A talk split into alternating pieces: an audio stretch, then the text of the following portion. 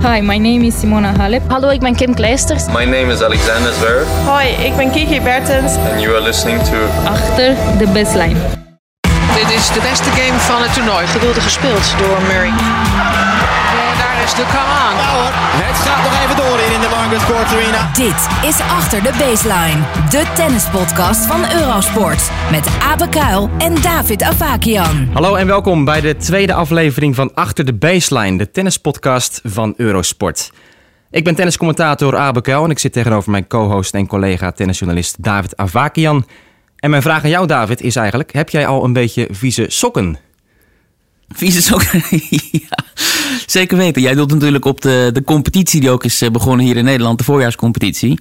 Um, nu moet ik meteen wel zeggen dat ik, uh, waar het kan, gravel probeer te vermijden. Ik had toch uh, meer van de wat lagere stuit. Dus op het synthetische smashcourt of iets vergelijkbaars, daar kom ik toch beter uit de voeten. Maar ik heb zaterdag zeker op gravel gespeeld en met groot succes.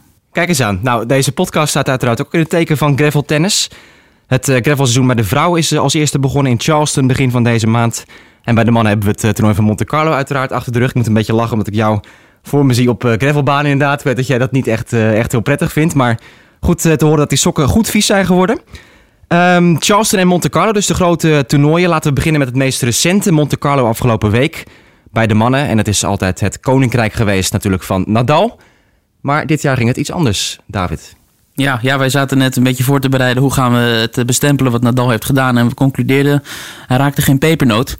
Um, ja, het was uh, wonderbaarlijk om te zien. Elfvoudig kampioen. Uh, zoals je zegt, het koninkrijk van Nadal. Ja, het, het, liep eigenlijk vanaf... Nou goed, zijn eerste twee wedstrijden speelde hij niet goed, maar won hij gemakkelijk. Maar, maar in geen enkele wedstrijd was hij overtuigend. En het lijkt een beetje dat het moment is aangebroken dat Nadal niet meer zo makkelijk gaat winnen zonder dat hij uh, een goed niveau haalt.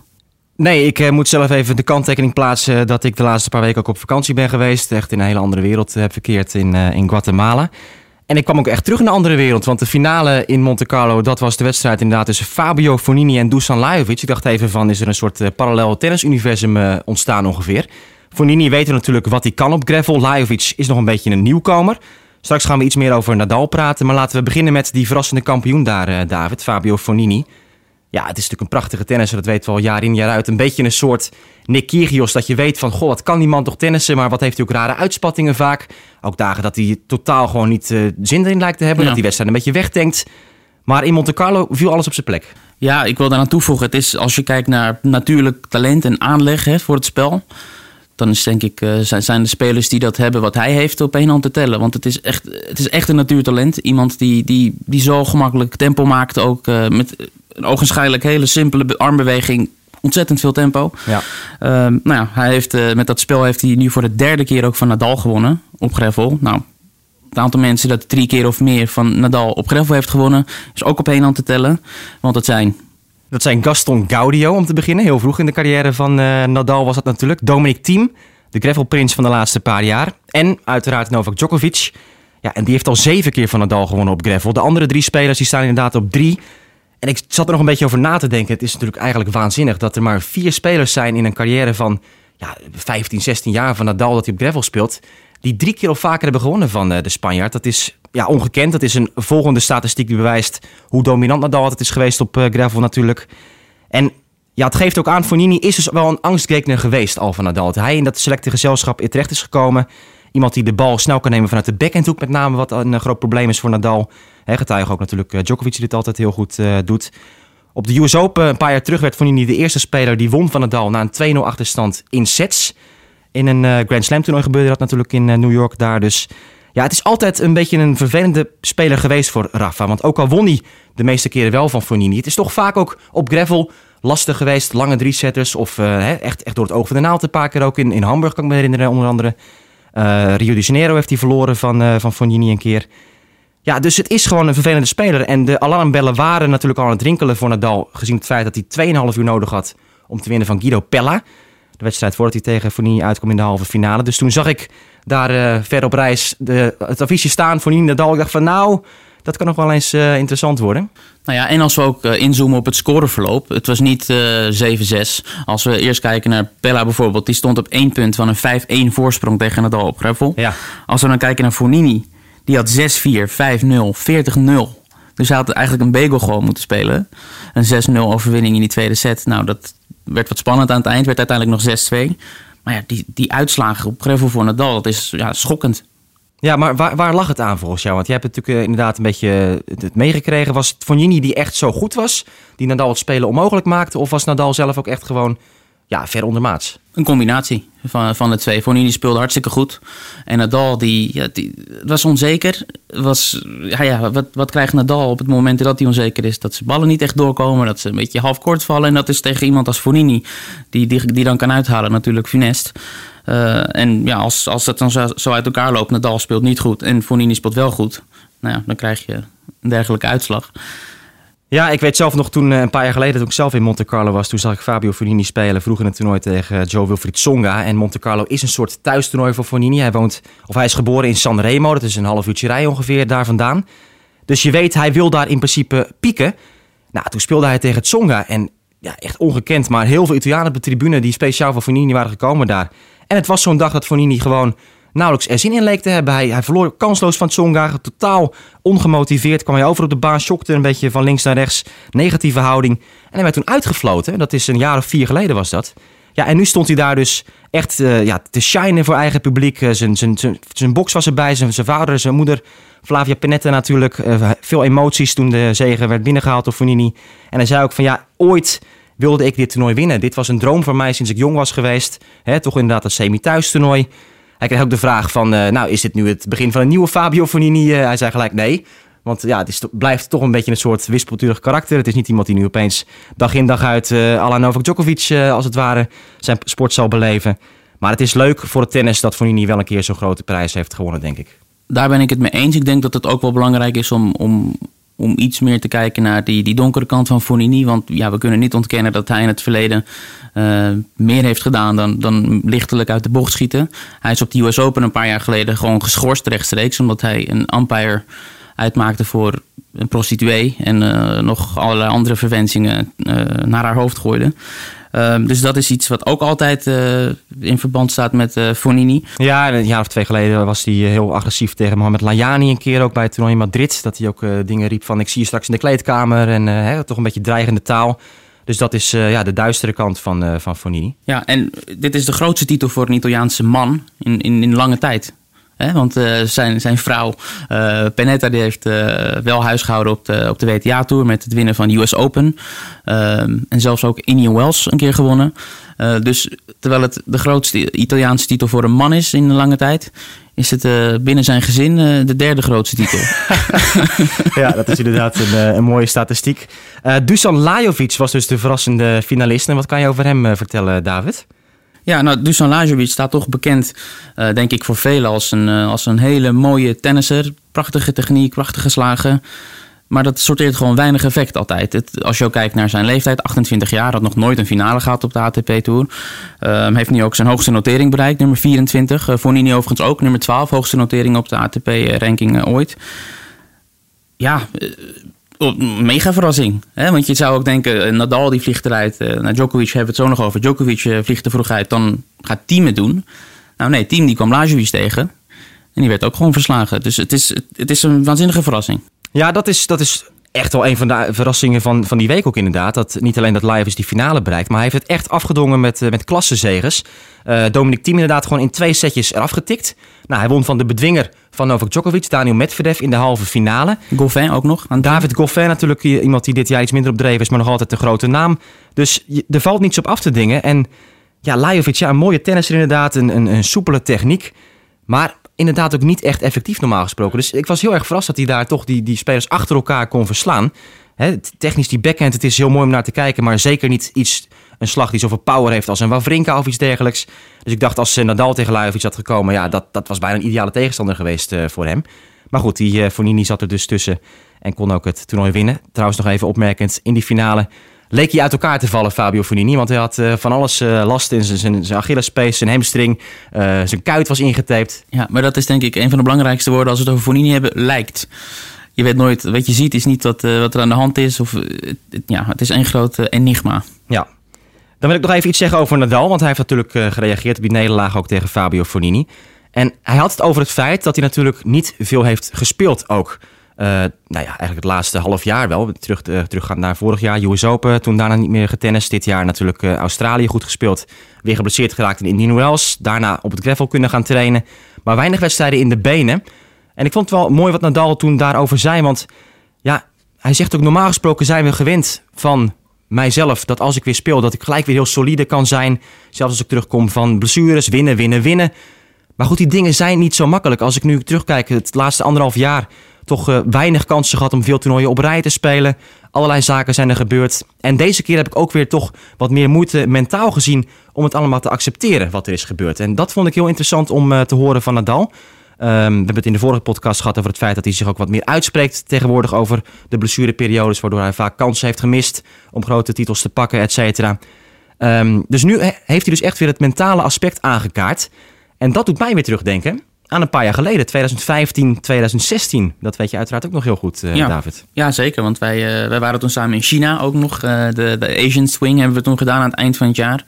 En dat was precies in die periode dat Nadal in principe fysiek in een uitstekende staat was. Alleen, het zat tussen zijn oren op dat moment. Hij, het, het vertrouwen was, was totaal weg. En zoals ik al eerder aangaf, dat leidt bij Nadal ertoe dat hij, dat hij de meest, vreemde ballen mist, onderin het net uh, laat belanden. Nou goed, zo erg is het op dit moment nog niet.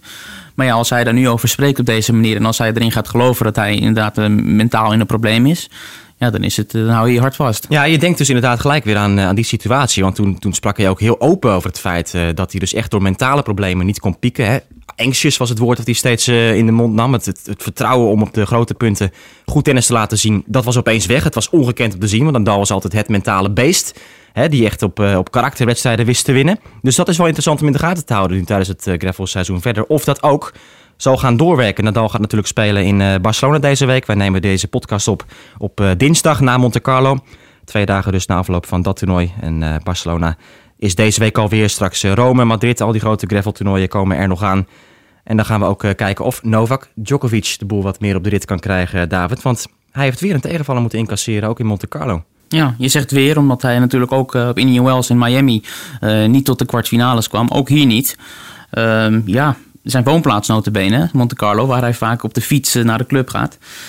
ja, het was, het was niet indrukwekkend. Weer. Ehm, onzeker. nou goed, hij heeft zelf nog geen alarm geslagen. Hij zegt, ja, als het op een later moment echt nog steeds misgaat op Roland Garros en bij de andere toernooien, dan is er misschien reden tot paniek. Maar ja, dit is de eerste graveltoernooi, een beetje inkomen. Maar ja, goed, het kan natuurlijk gewoon een opmerking zijn om een beetje de, de vragen weg te houden. Ik vind het toch, toch wel bijzonder opmerkelijk uh, hoe, hoe Djokovic na de Australian Open op de baan is verschenen. Ja en nee. Als ik een beetje tussen de regels doorlees in zijn reactie steeds maak ik me eigenlijk nog heel weinig zorgen over, uh, over Novak Djokovic. Hij verloor trouwens van Daniel Medvedev en dat vind ik wel interessant. Want tegen Medvedev heeft Djokovic zo'n beetje zijn moeilijkste partij van het jaar gespeeld. Nou ja, zeker in, in Australië toen hij dus echt top was. Dat was een partij die hij verloor, of die hij won in vier sets, maar het voelde als een uh, zware vijfzetter. Echt, echt ongekend, al die lange rallies. We hebben het er ook over gehad in, in de vorige podcast. Echt een van de partijen die mij het meest heeft verbaasd dit jaar. Dat Medvedev echt met Djokovic tennis bijna kon winnen toen van Djokovic. Ja, en nu pakt hij hem dus in Monte Carlo. En dat um, vind ik wel veelbelovend voor de toekomst ook voor Daniel Medvedev. En ook interessant om te zien hoe die rivaliteit zich verder gaat, gaat uitkristalliseren tussen die twee. Um, Djokovic verloor in drie sets in de kwartfinale trouwens van uh, Daniel Medvedev. Maar ik moet weer een beetje denken aan zijn voorbereiding. Indian Wells Miami was hij lang op vakantie gegaan, was hij gaan skiën. Nam echt rust, liet de tennis even achter zich. Wat deed hij na Miami? Hij is toen een dag of tien naar de Dominicaanse Republiek geweest. Dus ook daar heeft hij toch weer een soort andere prioriteit even gehad. Van oké, deze maanden lijkt hij in mijn opzicht gewoon echt als een soort semi-rustperiode te beschouwen. Ja, dat klinkt gek om te zeggen met die Masters toernooien natuurlijk. Maar dat hij straks gewoon energie in de tank heeft zitten voor Roland Garros, Wimbledon, waar hij natuurlijk gewoon echt wil pieken. Dat zegt hij ook in die persconferentie. Ik speel nu toch vooral voor de Grand Slam titels. Ik maak me nog niet echt zorgen. Roland Garros is nog ver. En ja, als je dus inderdaad naar Miami weer een vakantie neemt dan denk ik dat het bijna logisch is dat je toch zo'n nederlaag moet incasseren in Monte Carlo. En dus daar maak ik me nog weinig zorgen over Djokovic. Ja, nee, dat kan ik volgen. Alle ballen op Roland Garros lijkt het nu een beetje te zijn... om, zoals we al eerder hebben aangegeven... Uh, zijn vierde Grand Slam op rij te kunnen winnen. En wat natuurlijk ook een belangrijk verschil is... tussen toernooien als uh, Monte Carlo en Roland Garros... is dat Djokovic op Roland Garros natuurlijk weer vijf sets mag spelen. En dat is altijd een format waarin hij en ook Nadal en ook eh, ja, alle toppers uitblinken. En alle tijd hebben om een tegenstander eigenlijk kapot te spelen of te laten choken of te laten inzinken. Dus Nou ja, en dat is misschien ook wel de reden waarom hij dus won van Medvedev in Australië. En dat hij verloor nu in, eh, in Monte Carlo van de rust. Die trouwens zelf in de halve finale werd geklopt door Dusan Lajovic. Hij stond eh 5-1 voor in de openingsset en stortte toen ineens helemaal in. En nog om het even compleet te maken dan het cirkeltje Fornini, dat hebben we net niet gemeld. Die heeft ook een paar keren natuurlijk een, eh, ja, niet een inzinker gehad, maar juist een enorme comeback vroeg in het toernooi. Want hij had een paar keer al vroeg kunnen verliezen. ja, in zijn eerste wedstrijd al tegen André Rublev, een qualifier, eh, de jonge Rus. Een wedstrijd vol met, eh, ja, met rare momenten en vreemde line calls. Eh, nou ja, goed, hij overleefde het. En ja, zo- kan het gaan in tennis. Ja. Eerste ronde bijna eruit en dan het toernooi winnen. Ook tegen Borna Coric nog een eh, ontsnapping voor eh, Fabio Fornini. Maar goed, hij heeft daar dus inderdaad kunnen winnen. Dan was er nog een eh, speler die jarig was de week van Monte Carlo. Dat was Alexander Zverev. Hij is nu officieel geen next-gen speler meer, David. Hij is 22 jaar geworden. Maar eh Zverev, ja, ook hij heeft natuurlijk dit jaar nog niet echt een goed seizoen. Weer vroeg uitgeschakeld. Moeten we ons zorgen maken? Ja, nou, hij, hij, noemde het zelf, eh, althans voor Monte Carlo, een kwestie van ja, te weinig wedstrijden, geen wedstrijdritme. En hij is toch een speler die daar wel baat bij heeft. Maar ja, ik, ik denk toch wel een beetje dat hij zich zorgen zal gaan maken. Ehm, maar ik, ik denk dat het toch wel even een mooi moment is, aangezien hij nu 22 is geworden, om, om even snel terug te blikken op wat hij al heeft gepresteerd voor zijn 22e verjaardag. hij is nummer 3 van de wereld. Hij heeft 10 ATP-titels gewonnen, eh, drie Masters toernooien, zelfs de World Tour Finals vorig jaar, door Djokovic en Federer te verslaan. Eh, tegen top 10 spelers is hij altijd uitstekend geweest. 19 overwinningen. Eh, ook als je kijkt naar eh, zijn wedstrijden tegen de grote jongens. 3-3 tegen Federer. 2-2 tegen Djokovic. Ehm, ja. Maar ja, zijn grootste probleem is uiteraard het Grand Slam tennis gebleken. Eén kwart finale slecht. Roland Garros vorig jaar. En ja, hij heeft nu Ivan Lendl in zijn team zitten. En hij is op zoek naar dat Ivan Lendl effect. Wat, eh, wat hij als coach natuurlijk ook met Andy Murray bewerkstelligde. Die jarenlang niet in slaagde om Grand Slams te winnen. En onder zijn leiding uiteindelijk eh, wel ja, die trofee wist te pakken. Maar ja, goed, hij heeft in de, in de Next Gen groep volgens mij al een, mooie opvolger ook. In de vorm van Stefanos Tsitsipas, nummer 8 van de wereld al. Ook symbolisch dat hij juist vorig jaar Tsitsipas ook de Next Gen Finals won. Dus het, stokje is, is mooi overgegeven. Ja, Ja, Zverev verloor van eh, Fabio Fornini trouwens in Monte Carlo. Dus dat is zeker geen schande dat hij eh, door hem werd uitgeschakeld daar. Ehm Dominic Thiem in de vorige podcast nog niet echt aan bod gekomen. Hij won Indian Wells. Hij was als vierde geplaatst in Monte Carlo. Hij is de belangrijkste uitdager geweest de laatste paar seizoenen van Nadal op gravel. Maar Thiem heeft een valse start gemaakt. Hij verloor van Lajovic met 6-3 en 6-3. Ja, Dominic Thiem, het is natuurlijk ongekend dat hij in Wells zo fantastisch speelde. En we dachten van, oh, oké, dit wordt echt voor eh, het gravelseizoen misschien wel het moment dat hij Roland Garros kan winnen. Dit jaar voor de eerste keer. Vorig jaar finale gespeeld. Dat hij op hardcourt al die fantastische resultaten kon neerzetten. Ja, dat beloofde dus veel goeds. Maar voorlopig is het eh, nog niet goed begonnen, dat gravelseizoen Nee. dus voor de Oostenrijker. En De kroonprins hè, wordt hij genoemd. eh, De opvolger van Nadal op die ondergrond. Ja, ik, natuurlijk zijn spel is, is gemaakt voor, voor. Maar ik, ik wil het ook nog wel zien hoor. Eh, het is toch mentaal altijd een, een, opmerkelijke figuur gebleken. Hij heeft nu in met eh, Nicolas Massou eh, als, als coach... het lijkt het zijn spel wel iets meer gestroomlijnd. En hij heeft nu een beter plan B en plan C... in plaats van hard, harder, hardst. En beuken, beuken, beuken. Kijken of die bal invalt. Ehm, ja, nou, ik verwacht wel dat hij, hij zich zal herstellen. dit gravelseizoen. Maar een valse start, absoluut. Nou, wat natuurlijk wel interessant is, is dat hij op eh, Indian Wells echt enorm anders is gaan tennissen. Althans, dat eh, was vorig jaar ook wel een beetje te zien op hardcourt bij de US Open, toen hij heel goed speelde tegen Nadal. Maar hij is meer direct gaan spelen. Ja, dan kan je ook afvragen van, misschien heeft het dan weer tijd nodig om een soort omschakeling te maken terug naar dat echte gravel tennis weer. En of het misschien inderdaad zo is dat team ander tennis wil spelen op gravel, gericht op eh, zijn ontwikkeling op hardcourt ook. Dat hij dat een beetje weer wil stroomlijnen, dus dat hij ook anders gaat spelen op die baansoort. Ja, nou ja, ik, volgens mij heeft het team altijd maar één spelwijze gehad, eh, on- ongeacht ondergrond. En dat heeft hem ook eh, lange tijd de kop gekost op, op hardcourt.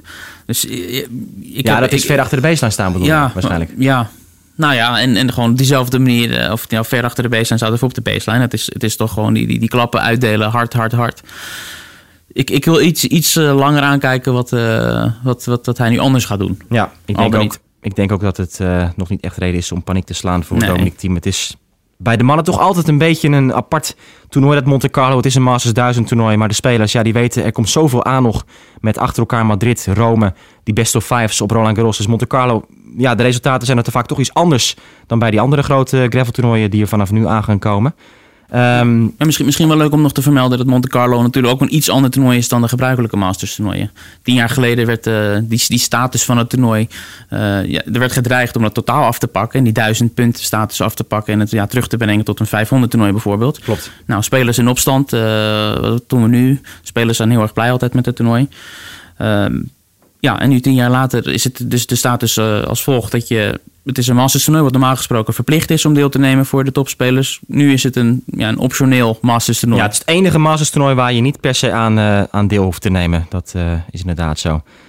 Er was nog Nederlands succes in Monte Carlo, David. Want we hadden finale, of een Nederlands inbreng in de finale van het dubbelspeltoernooi. Wesley Koolhof, wat een jaar is hij aan het beleven. Hij speelde nu met Robin Haase. En bijna konden ze zelfs de titel pakken.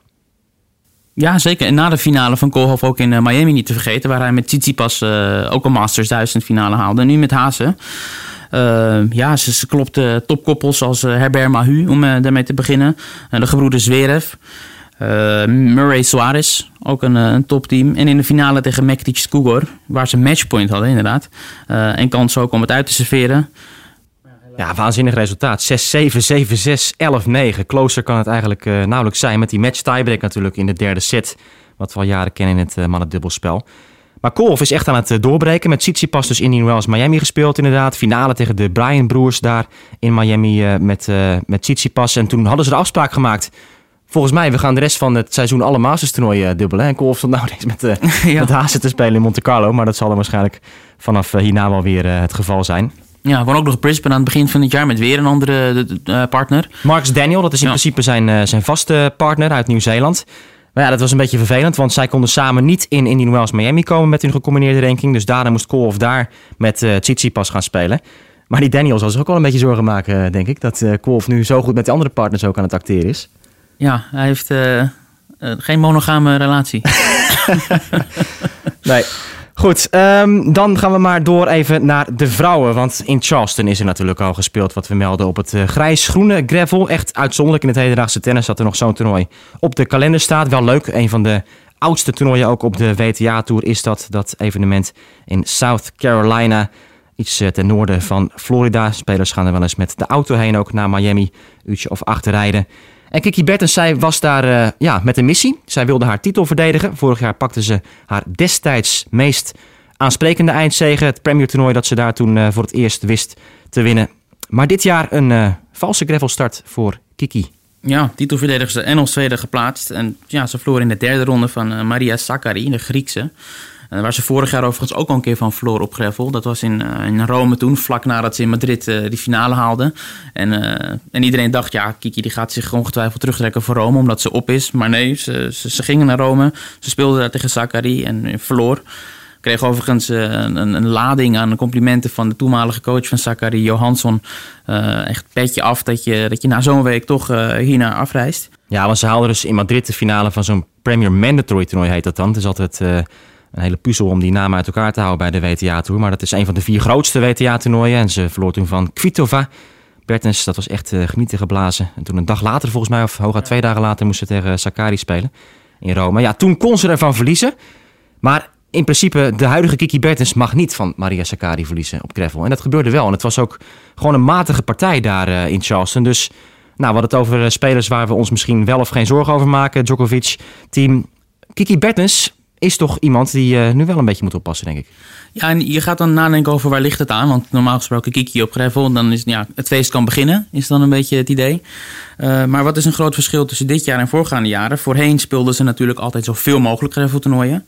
Uh, nu is het roer om, omdat ze ook een hogere ranking heeft en een meer allround schema speelt. Met, met meer ondergrond ook, een goede variatie, veel hardcourt. Um, en Charleston was het eerste graveltoernooi dat ze speelde sinds Roland Garros vorig jaar. Mm -hmm. Dus ze heeft eigenlijk nou, volgens mij nog nooit in haar carrière zo een grote gravelpauze gehad. Klopt. Dus Normaal gesproken speelde ze ook na Wimbledon nog op ja, gravel. Exact. Ja. Dus uh, dat, ze heeft dat vaak ook aan mij aangegeven dat het heel vreemd is dat ze zo lang niet op gravel heeft gestaan. Ze kijkt er wel naar uit, maar het kan natuurlijk zijn dat ze door die lange periode op andere baansoorten een, een, ja, nu een wat langere acclimatisering nodig heeft. Het is speculeren hoor, maar het zou een verklaring kunnen zijn. Ja, ja, ja. tegelijkertijd eh, maakt het nou zoveel uit. één maandje meer of minder. Als je na Wimbledon nog uh, één of twee toernooien op gravel speelt. Het is natuurlijk sowieso lang geleden dat je op gravel hebt gestaan. En voor de meeste spelers geldt het dat die break zo lang is geweest. Dus ja, ik vind het uh, niet echt per se een excuus voor Kiki Bertens. Trouwens, als we even terugkijken naar vorig jaar, toen was ze de nummer 9 in het aantal behaalde gravelpunten. Toen had ze een eerste ronde in Stuttgart, waar ze deze week speelt. Finale Madrid, eerste ronde Rome, kwartfinale Nuremberg en derde ronde Roland Garros. Dat zijn dus nog de toernooien die er aankomen. Dus er zijn zeker nog uh, momenten dat ze punten kan winnen. Alleen Madrid, dat is in één keer een klapper. Dat zijn uh, 650 punten die ze daar moet verdedigen. Maar goed, dus vorig jaar was het ook up en down, het gravelseizoen. Dus nou ja, we zullen zien wat dat, uh, wat dat Kiki gaat brengen. Ze staat er nu zevende op de WTA-ranglijst. Tiende in de Race to Shenzhen. Waar het eindejaarskampioenschap dit jaar voor het eerst wordt gehouden. Dus nogmaals, ja, op basis van de punten is er nog, uh, nog steeds niets aan de hand voor uh, Kiki Bertens. Nee, het is gewoon zaak dat ze bij de eerstvolgende toernooi Stuttgart, om daarmee te beginnen. Dat is nu gaande op het moment dat wij deze podcast opnemen. daar een goed resultaat neerzet. Al is dat niet haar favoriete toernooi, het is indoor gravel. En er wordt vaak wel er wordt vaak gesproken over die ondergrond daar. En dat het heel vreemd zou spelen in vergelijking met andere gravel toernooien. maar ja, Madrid en Rome. En dan pieken in Parijs. Ja, dat zou inderdaad uh, mooi zijn. Meer Nederlands tennis, meer Nederlands vrouwentennis was er afgelopen weekend in de Fed Cup. Ja, en dat, als we het over uh, cirkels rondmaken hebben, David, dan uh, kunnen we een beetje aan onze persoonlijke geschiedenis denken. Want een paar jaar geleden begonnen wij met het opnemen van podcasts tijdens een droomreeks van Nederland in de Fed Cup 2016. Ze haalden de halve finale met bijna een finale plek zelfs toen, toen wij erbij waren in een uitwedstrijd tegen Frankrijk. Maar nu een paar jaar verder is Nederland gedegradeerd uit niet alleen wereldgroep 1, maar ook wereldgroep 2. Ja, van een halve finale inderdaad in 2016 naar deze ja, bodem van het internationale uh, ja, landentennis. Ja, zonder Kiki Bertens natuurlijk. En dat maakt in het geval van Nederland natuurlijk enorm verschil. Uh, als je moet spelen met uh, Bibiane Schoof, Tricio Hoogkamp. zelfs Arantja Rus was er niet bij. Kerkhoven en Schuurs verder nog ja, tegen Japan, wat, ja, wat toch een wat, wat, wat team heeft. Uh, Naomi Osaka deed overigens niet mee, de nummer 1 van de wereld. Maar ja, zij hebben een, toch een, een, een breder vangnet, om het zo maar te noemen. En dan ga je gewoon 4-0 onderuit tegen Japan uit op hardcourt. Ja, het is een, uh, een blubberjaar geweest voor Nederland in de Fed Cup. Want thuis tegen Canada werd er verloren zonder dat een wedstrijd werd gewonnen. En nu dus ook weer gewoon zonder een, een zegen gewoon weggeblazen door Japan. Um, wat meespeelt natuurlijk is wel dat Nederland twee jaar op rij nu een hele zure uitwedstrijd heeft moeten spelen in april. Waar niemand op zit te wachten. Vorig jaar moesten ze naar Australië reizen tijdens het Europese gravelseizoen. Ook toen was het eh, heel moeilijk om een team op de been te brengen voor captain Paul Haarhuis. Nou, nu uh, heb je het gemeld. Uh, Kiki Bert is natuurlijk niet erbij. Ook Aranska Rus zei van ja jongens, luister, ik ga niet naar Japan reizen voor deze wedstrijd. Terwijl ik dan mijn eigen schema compleet overhoop moet gooien en niet op gravel kan, kan spelen. En Aranska Rus heeft trouwens wel succes gehaald door een ITF-toernooi te winnen op gravel. Maar dat zijn zaken die het uh, niet makkelijker hebben gemaakt in een land waarin we helaas uh, niet heel veel toppers ter beschikking hebben in het vrouwentennis. En dan gebeurt er dus dit. Ja, pech wat je zegt. En als, als ze dus gespeeld hadden in, in Europa op een gravelbaan, dan had het helemaal anders kunnen zijn. En dan had Kiki hoogstwaarschijnlijk wel gewoon meegedaan. Heeft ze ook gezegd met zoveel woorden. Dus je moet altijd een beetje geluk hebben met de loting. Uh, maar Kiki zal uh, in de komende tijd wel een keer moeten gaan spelen. Als ze ook mee wil doen aan de Olympische Spelen ja. in uh, 2020. Klopt. Dus op een gegeven moment gaan we Kiki zeker wel weer in oranje zien. Ja, maar de feiten zijn dus daar dat van de halve finale in 2016 twee jaar op rij vervolgens degradatie heeft plaatsgevonden. En Nederland dus nu niet meer tot de beste 16 tennislanden behoort in het vrouwentennis. De finale in de Fed Cup dit jaar, die gaat tussen Australië en Frankrijk. En die halve finales die waren ook wel erg fraai. Die waren zwaar bevochten. Absoluut, ja. Australië naar de finale via een 3-2 zege op uh, Wit-Rusland. Uh, Ashley Barty natuurlijk in topvorm, net uh, Miami ook gewonnen. die wint van zowel Sabalenka als Azarenka. En die zijn wel afgereisd naar Australië dit jaar ja. voor die halve finale. Want het was weer een thuiswedstrijd in Brisbane voor de Australische vrouwen. Ja, naast Barty natuurlijk ook Samantha Stozer die meedeed. Nou, die verloor zowel van Sabalenka als Azarenka. En dan kwam het dus aan op een dubbel. En dat was me er een. Wat er voor mij uitspringt is gewoon het feit dat Ash Barty nu twee ontmoetingen op rij drie punten heeft binnengehaald voor Australië. We weten dat zij een fantastische dubbelspeelster is. Ze won met Sam Stozer inderdaad dat uh, beslissende dubbel. Zij is de enige ook die nu in de top 10 staat in zowel het enkel als dubbelspel. Zo allround is Ashley Barty. Nou, ze won in Miami natuurlijk, dus het zijn uh, glorieuze tijden voor, voor haar. En wie weet, dit jaar een eerste titel in die Fed Cup met eh, Australië voor Barty. Zo, dat zou wel zijn voor een land als Australië dat natuurlijk eh, tennis ademt. Ja, en volgens mij sinds 1993 of iets dergelijks niet meer in de finale gestaan van, eh, van de Fed Cup. Dus dat is ook eh, vrij ongekend dat het zo lang heeft geduurd. Tegenstander wordt Frankrijk. Ja, dat was ook een ontmoeting. Frankrijk won van Roemenië met Simona Halep. Dat vond ik interessant, want Halep die zou echt ontzettend balen dat zij ondanks het winnen van twee enkelspelduels niet die finale kan gaan spelen. Ze zei eerder dit jaar dat de Fed Cup dit jaar net zoveel prioriteit heeft als het winnen van een Grand Slam toernooi. Nou, eh, ongekend. Dat hoor je totaal niet meer in het hedendaagse tennis eigenlijk. Maar Halep eh, ja, had een missie om dit jaar met Roemenië de Fed Cup te winnen. Maar het eh, gaat niet door. Nee, sterker nog, ik, ik sprak haar in Indian Wells dit jaar, uitgebreid voor Tennis Magazine. En ik had het over haar Roland Garros titel en ook over de Fed Cup. En daarin zei ze tegen mij, ik denk dat het enige wat mij in de buurt zou kunnen brengen van het gevoel van het winnen van Roland Garros is, en dat is dan het winnen van de Fed Cup met Roemenië. Dus het, het was voor haar een enorme prioriteit en ze, ze, ze hoopte het heel erg. Dus het zal een, een, zware verlies geweest zijn. Ja, opvallend was de hereniging van eh, Caroline Garcia en Kristina Mladenovic, die in 2016 het gouden duo vormden. Dat won van Nederland in de halve finale in het eh, beslissend dubbelspel. Ook nu weer. Dus eh, ja, hebben zij het gedaan voor Frankrijk. Ze zijn een beetje gebrouilleerd geraakt. Ze waren goede vriendinnen. Maar omdat Garcia de Fed Cup een beetje naar het tweede plan schoof, ja, ging dat helemaal mis tussen die twee. Zij kwam ook echt als een soort outcast in het hele Franse Ja, tennis eh, terecht. Echt een Eh, publieke, een publieke ruzie werd er echt gevoerd. En op Ja, social op media social werd media het allerlei- uitgespeeld. Ja, ja. Allerlei gekke berichten inderdaad. Maar, goed, zij eh, zijn nummer één geweest natuurlijk samen. En Grand Slams gewonnen. En dat het toen zo uit elkaar viel, dat was, was opmerkelijk. Ja, maar een mooi affiche dus. Australië-Frankrijk in de finale van de Fed Cup later dit jaar. Van daaruit is het een makkelijk bruggetje, David, naar eh, de stand van zaken in het WTA tennis. Even kort, er zijn wat kleinere graveltoernooien ook gespeeld. Maar de situatie is nog steeds zo dat er dit jaar nog steeds geen speelster is die twee toernooien heeft gewonnen. 18 toernooien zijn er nu gespeeld met 18 verschillende toernooiwinnaars. En dat is uniek in de geschiedenis van de WTA. Ja. ja, we kunnen de nieuwe namen eh, opnoemen die, die we aan het lijstje toe kunnen voegen. Eh, in Monterrey won Garbine Muguruza van eh, in de finale Victoria Azarenka, waar we het net ook over hadden. Prachtig moment voor haar ook om na al haar eh, ja, zwangerschaps- en, en, en voogdijzaakperikelen weer een finale te halen. Eh Muguruza won daar eh, in Monterrey eh, via een opgave wel van Azarenka.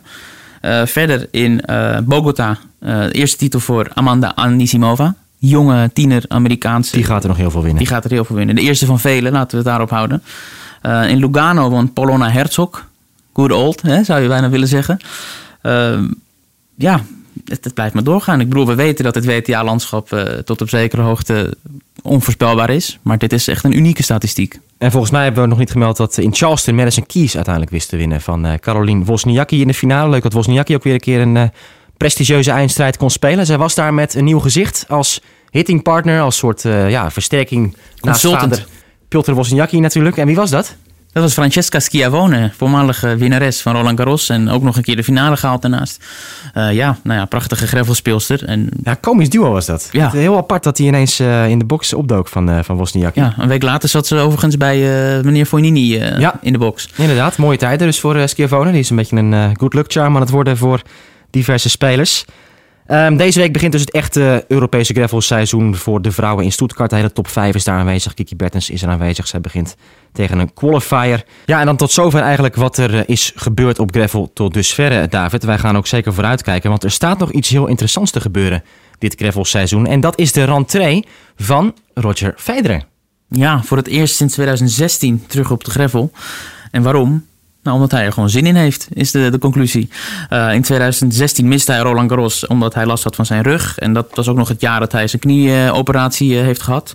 In 2017 durfde hij het eigenlijk nog niet aan en dacht hij dat hij grotere kansen zou hebben om Wimbledon te winnen als hij dat hele seizoen zou overslaan op gravel. Eh, nou, dat werkte, want hij won de titel. In 2018 ehm, had hij eigenlijk zin in een langere break, heeft hij aangegeven. Eh, en, en ook weer het gevoel dat hij dan op Wimbledon eh, misschien de titel zou kunnen pakken. Nou, toen mislukte het idee. Eh, en dit jaar heeft hij helemaal geen zin in een break, heeft hij aangegeven. Hij wil gewoon weer dat greffen op, omdat hij het gemist heeft. Ja, hij gaat spelen in Madrid en Roland Garros. Dat is bevestigd. Madrid begint over een kleine twee weken. Laatste gravelwedstrijd van Federer was Rome 2016. Toen verloor hij van Dominic Thiem. Nou, jij hebt eh, natuurlijk ook meegemaakt dat Federer het goed heeft gedaan in Indian Wells. Daar was je bij aanwezig bij dat toernooi. En toen vroeg jij Federer zelf naar het spelen op gravel. Wat maakt spelen op gravel nou zo leuk voor de Zwitser? Well, the fun part is that I think you can play the angles a bit more. Um, you can open the court more. Um, as much as people think that clay's a, a slow surface, sure, if it's rainy and stuff, uh, it becomes horribly slow. But uh, when it's a, a good, nice day, you can play almost certain volley easier than, for instance, tonight. Um, so I think there is. Uh, many different ways you can win points on, on clay, so that makes it uh, really exciting. I mean, I think sliding and hitting, I know nowadays a lot of guys do it on hard courts too, but I don't do it that much. So for me, uh, I like that aspect um, of the clay, and it reminds me of my of my childhood. You know, I grew up on the clay every day, uh, in the summer, in the winter. I was always on the clay, so for me, it's a it's a surface that I, uh, you know, I connected together with my with my childhood. Ja, we horen de nostalgie eigenlijk een beetje in zijn stem ook als hij het over gravel heeft. Uh, ja, de variatie geeft hij aan, de manier waarop, de, de, verschillende manieren waarop je een punt kan winnen op die ondergrond. Um, het was ook nooit zijn bedoeling om, om, om, drie jaar lang geen Roland Garros te spelen, heeft hij gezegd. En ook alle geruchten die uh, zijn verspreid over is dit nou een afscheidstoernooi, uh. Dat hij nog even één keer wil afzwaaien bij het Parijse publiek. Allemaal niet waar.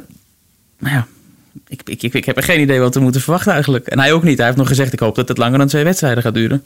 Ja, en ik denk natuurlijk wel als hij vroeg in Madrid verliest dat hij uh, Rome zal gaan spelen. Want hij staat daar officieel gewoon op de entry list. Dus dat is een, uh, een, een, dingetje. Ja, maar goed, hij staat op die entry list omdat het natuurlijk een verplicht masters Nee, ja, tuurlijk. Maar hij kan natuurlijk op het laatste moment dan beslissen van ik doe mee of niet. En uh, ja, het zou raar zijn als hij in Madrid gelijk in de tweede ronde verliest dat hij dan niet zou gaan spelen in Rome. Dat lijkt me niet, niet echt de, de lijn der verwachting dat hij dan met één nederlaag gelijk naar Roland Garros gaat. Ja, ja Lubicic, zijn coach, een van zijn coaches, heeft daarover aangegeven al dat mocht het in Madrid inderdaad mislopen, dat zeker Rome nog een optie is. Dus in dat opzicht uh, zeker uh, mogelijk. Ja, nou, de, de, woorden van Federer over Gravel, laten we daar even op ingaan. Want hij zegt natuurlijk dingen waarvan de meeste mensen denken van, uh, wat zegt hij nou?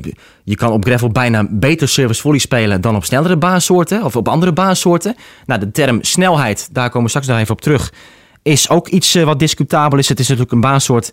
Is het goed weer, dan is die baan vrij snel. Nadal is een speler, mensen denken ja, hij is heel goed op gravel omdat die baan zo traag is. Nee, hij is heel goed op gravel als het lekker weer is. Als die topspinballen echt uh, de tribune instuiteren bijna aan de overkant van het net. Wat in mijn uh, optiek ook misschien een reden is dat hij in Monte Carlo dit jaar minder goed speelde. Het weer was de hele week uh, vrij ja, het waaide, het waaide inderdaad. Dus ja. dat hielp niet mee voor het spel van Nadal. Um, ik weet zelf Federer, ik heb hem een keer zien verliezen tegen een speler die ook service volley tennis speelde op gravel. Dat was Radek Stepanek in Rome, dat was een jaar of tien geleden. en toen was de persconferentie met Stepanek na afloop en ik zat tegenover hem en ik zeg van, uh, ja Radek, wat is dit nou? Je wint, je wint nooit van Federer en nu win je van Federer op gravel met service volley tennis. Dat kan toch eigenlijk helemaal niet? En hij kijkt mij ook aan en hij zegt van, ja, hoezo niet? Uh, service volley op gravel vind ik eigenlijk heel logisch. En toen zat ik ook even vijf seconden te kijken van maakt hij nou een of andere flauwe grap of, of is hij serieus? Nou, en nu horen we Federer dus in principe een beetje hetzelfde zeggen. Dat je echt wel uh, aanvalstennis kan laten zien op, op, uh, op gravel. Dat je echt wel naar het net kan komen.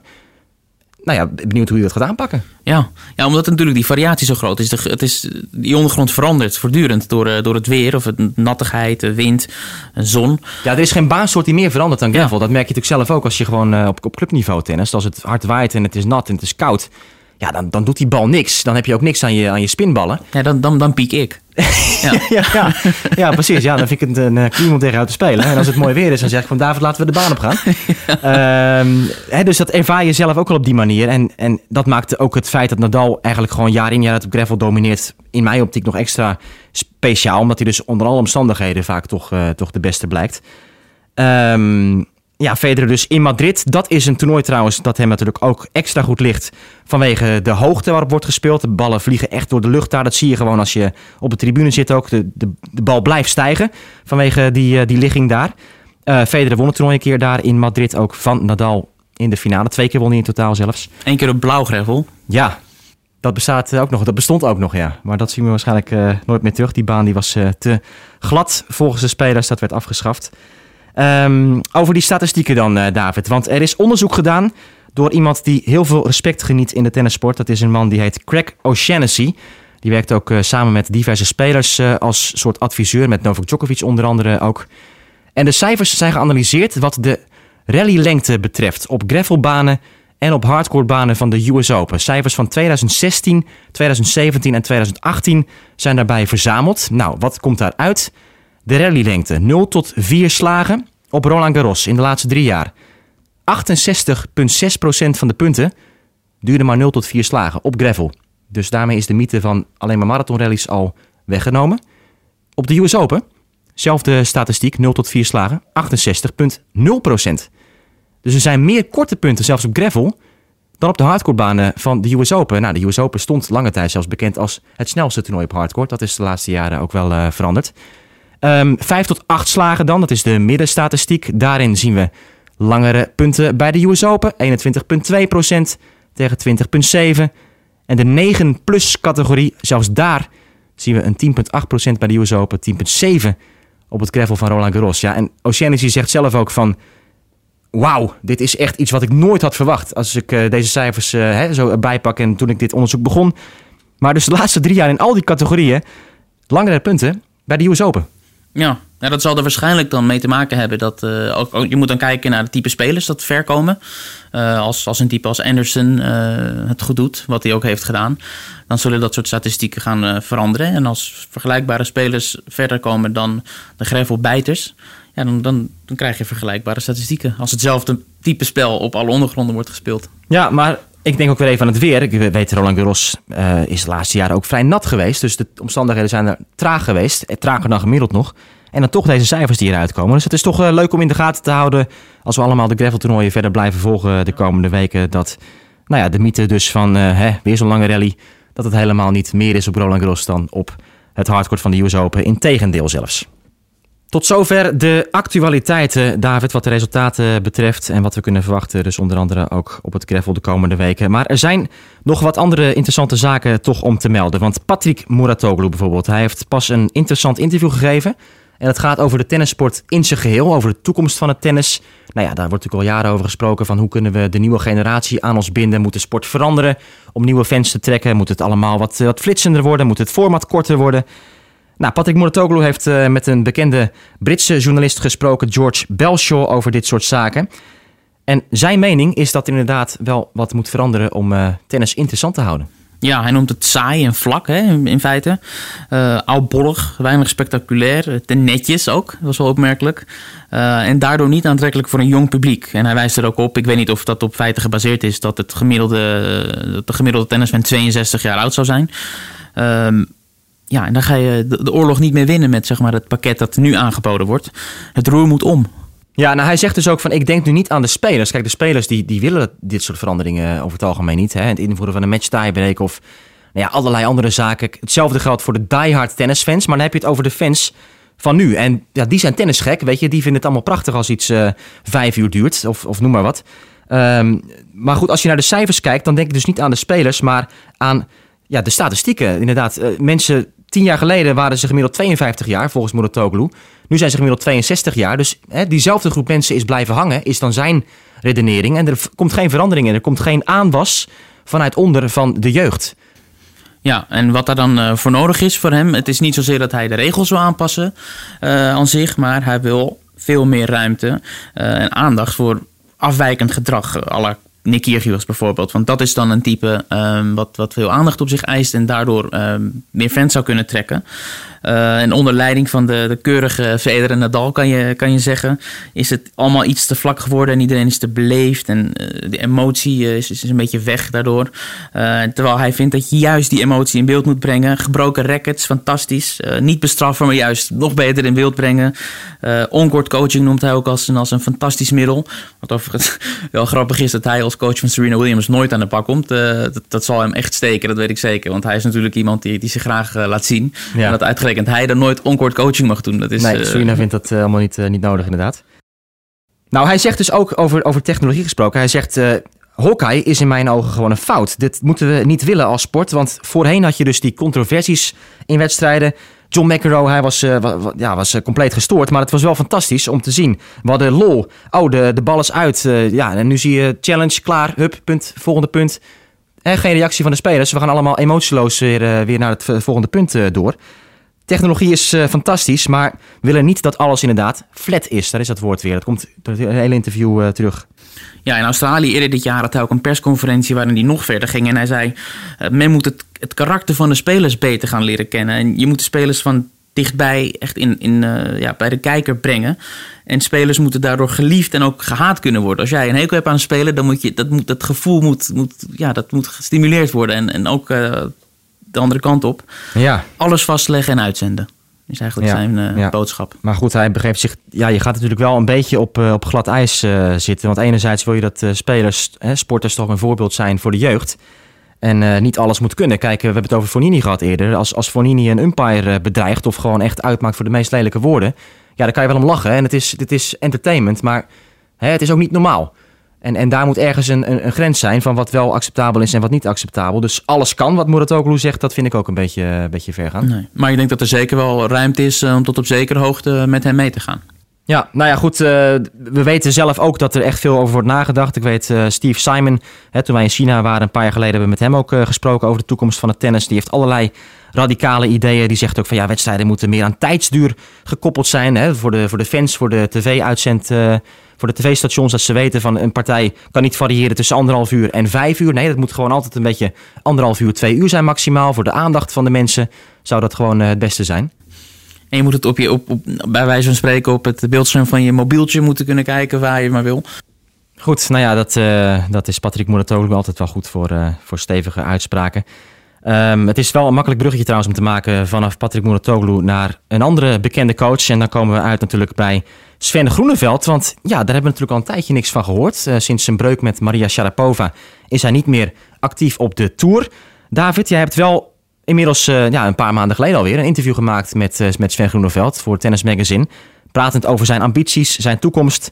Nou, dat kan jij zelf denk ik het beste even introduceren, wat hij, wat hij onder andere zei. Want hij was van de, van de beeldspraak, hè? Ja, want op het moment dat ik hem sprak, was, dat was net het moment dat Naomi Osaka en Sasha Bajin, de succescoach, uit elkaar gingen.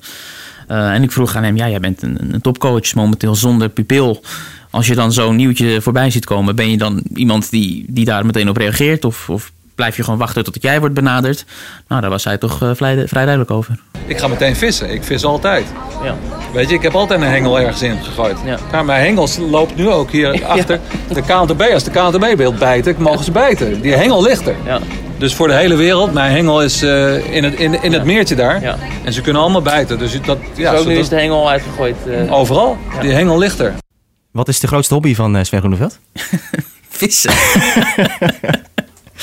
Ja. Ja. nou ja, goed. Hij is natuurlijk glashelder. Hij is ambitieus. Dat is ook duidelijk. Dat hij weer, eh, weer aan de bak wil met een, eh, met een nieuwe speler. Hij heeft natuurlijk een prachtig palmares voor op de WTA-tour de laatste jaren gewerkt. Als, als coach van het Adidas-team, eh, weet je nog. Hè, met Ivanovic onder andere. Wozniacki ook op de achtergrond een Murray. belangrijke rol eh, vertolkt. Ja, Murray, dat was, eh, was nog iets langer geleden dan.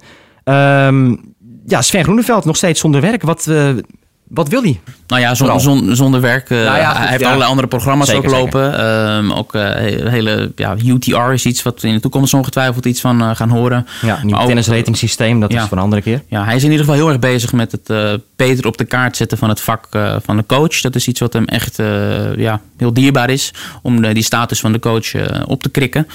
Eh, maar ja, één op één werken met iemand doet hij niet.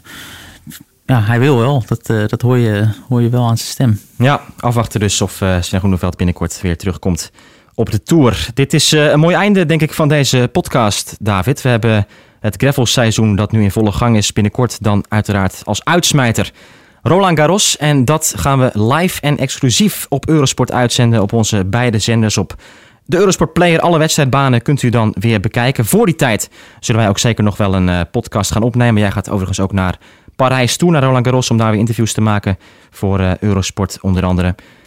Maar over een paar weken dan eh, gaan we kijken wat Roger Federer onder andere heeft gedaan op gravel. Gaan we daarover praten. En dan gaan we vooruitblikken dus op het tweede Grand Slam toernooi van het jaar. Dank voor het luisteren nu en graag tot snel weer met Achter de Baseline.